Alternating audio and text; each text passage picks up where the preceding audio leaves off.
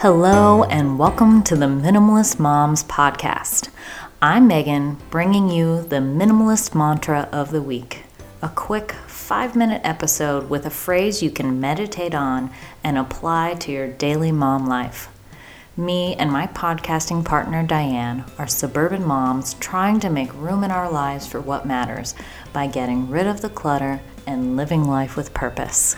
We're on a journey to think more and do with less.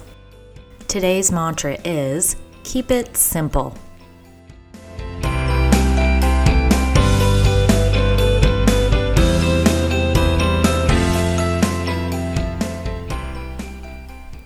My natural impulse is to complicate things. When I see a small problem, I don't want to just fix that problem. I want to create a system to fix all those problems in my work, in my house, and in my life.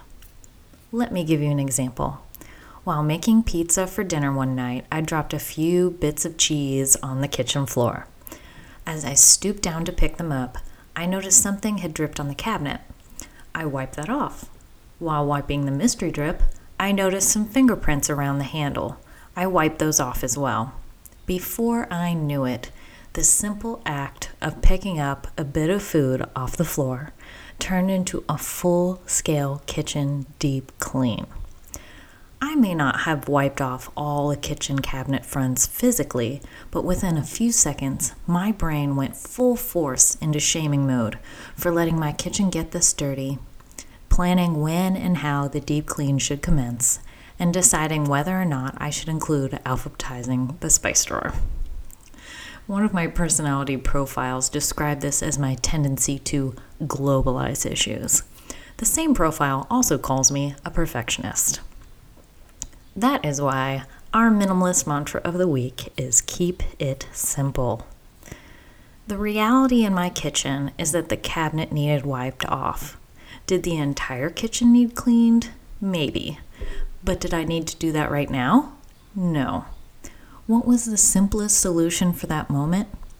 Wipe off that single cabinet front and move on with making dinner. See? Keep it simple. You may not tend to go on cleaning binges like I do, but I'm willing to bet you have been guilty of unnecessarily complicating a situation or two. Maybe you've upgraded an entire sound system when the issue was a faulty wire. Maybe you planned a three course dinner for company when ordering pizza would have been perfectly acceptable. Maybe you went shopping for a new outfit when you had three perfectly good choices in your closet.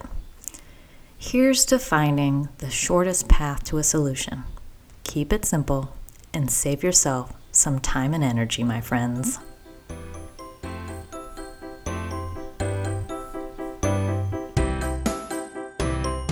Let us know how you put this week's minimalist mantra into practice on Instagram or Facebook. You can find us at Minimalist Moms Podcast. If this week's mantra was particularly impactful to you, or you think a friend would benefit from it, please pass it along.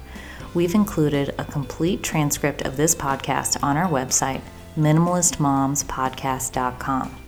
Or if you'd like to receive our show notes via email, text the word minimalist to 444 999 and you'll get an email whenever a new podcast is posted. Again, that's text the word minimalist to 444 999.